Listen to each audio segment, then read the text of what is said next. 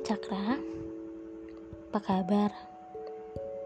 Kemarin aku lihat storymu, kayaknya ada kabar baik sih. Yang ada di kamu, aku ikut bahagia ya. Semoga itu memang menjadi jalanmu dan semoga Tuhan selalu melindungimu. Aku seneng banget lihat kamu mendapatkan apa yang kamu mau di awal tahun kabar baik dan sudah aku prediksi sebelumnya bahwa kamu akan menjadi seperti itu. Karena hasil kerja kerasmu karena prinsip-prinsipmu karena sifat tidak mau menyerahmu sifatmu yang selalu ingin belajar dan selalu ingin tahu menjadikanmu seorang yang pantas untuk mendapatkan itu tapi di tahun 2022 juga aku mau menyampaikan permintaan maaf untukmu. Maaf karena aku gak bisa ternyata buat sayang sama kamu tulus. Karena kata orang kalau misalkan sayangnya tulus, kita tidak ada ego lagi untuk membiarkan mereka bahagia dengan pilihannya tapi ternyata rasanya menyakitkan ya seperti itu. Setiap kali aku melihat kabarmu, setiap kali aku melihat updatean tentang kehidupanmu di media sosial, rasanya tuh sakit banget. Nggak tahu kenapa. Aku juga nggak ngerti. Makanya aku membatasi diri, mulai dari aku tidak pernah membuka Instagram lagi, lalu kemudian notifikasi tentangmu semuanya aku tutup. Bahkan kemarin sampai nomormu pun aku hapus. Karena untuk melihat namamu muncul di grup WhatsApp pun aku udah gak sanggup. Aku juga gak ngerti perasaan apa yang ada di aku saat ini dan aku harap kamu nggak perlu merasa bersalah nggak usah ada klarifikasi apa pun dan nggak perlu minta maaf. Karena kamu sama sekali nggak salah. Nggak ada yang salah darimu cakra. Ini hanya ekspektasiku yang aku buat sendiri yang akhirnya mengecewakanku. Ekspektasiku yang pada akhirnya membuat diriku merasa bahwa kayaknya perlu nih aku buat membatasi diri dulu dengan kamu membatasi interaksi kamu. Karena aku gak bisa seprofesional itu menjadi temanmu. Pura-pura tidak terjadi apa-apa. Nanti mungkin dua bulan lagi tiga bulan lagi setelah memang hatiku udah siap, hatiku sudah mau menerima bahwa kamu bahagia dengan orang pilihanmu. Kita berteman lagi ya. Aku harap kamu menemukan apa yang kamu mau, menemukan wanita yang seperti yang kamu inginkan, yang dulu pernah diceritakan kepadaku, dan jangan lupa kalau misalkan kamu susah tetap berusaha. Dan aku yakin kamu pasti bisa melewati semuanya.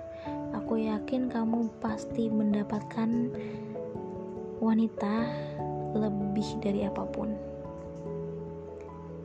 Dan cakra Aku nggak tahu endingnya bakal seperti apa. Cuman saat ini aku bener-bener lagi nggak mau mengetahui apa pun tentang kamu. Perkataan dulu yang aku bilang kamu harus aktif di media sosial agar aku bisa selalu mendengar kabarmu dan melihatmu itu ternyata nggak mudah itu menyakitkan itu butuh keluasan hati dan aku tidak seluas itu dan aku meralat semua omonganku tentang itu. Take care ya Cakra. Sampai bertemu di lain waktu.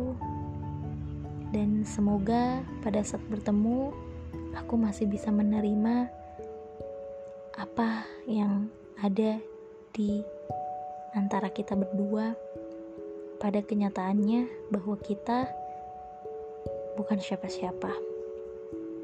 Terima kasih. Bye.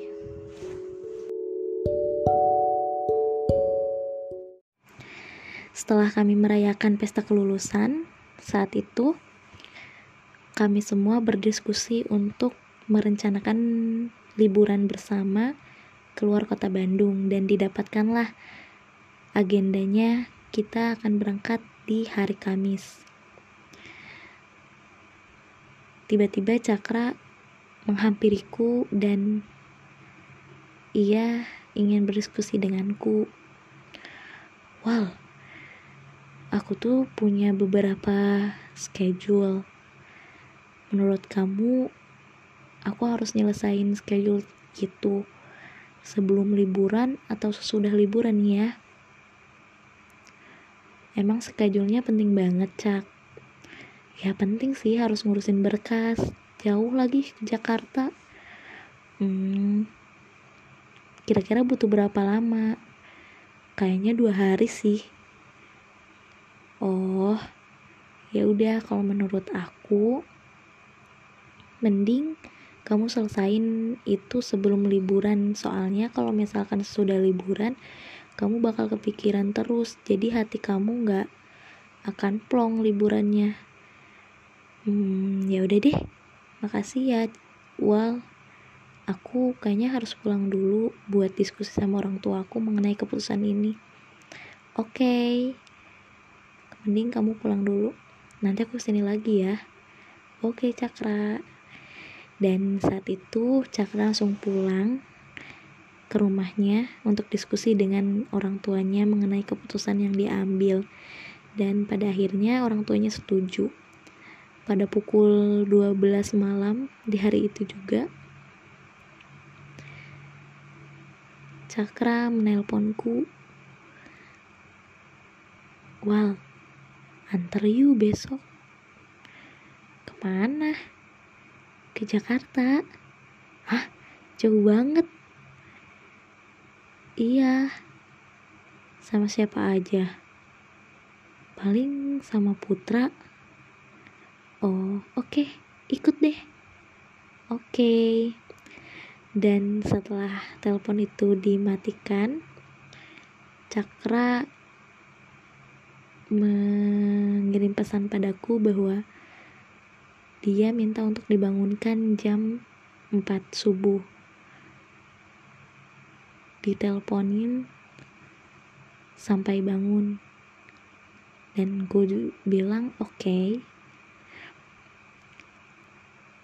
Dini hari pada pukul satu pagi aku masih belum bisa tidur karena excited banget buat pergi ke Jakarta hari itu. Dan aku memikirkan baju apa yang bisa aku pakai buat pergi besok.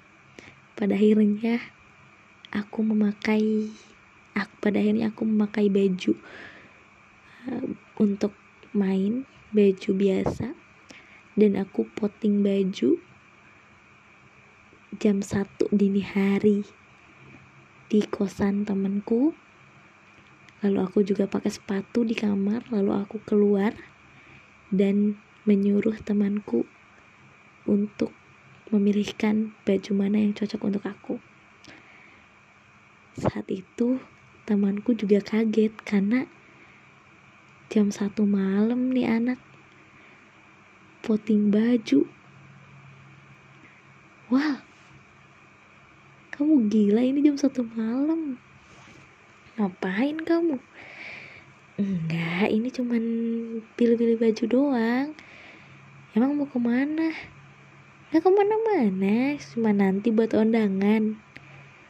Oh bagusan mana kata kamu?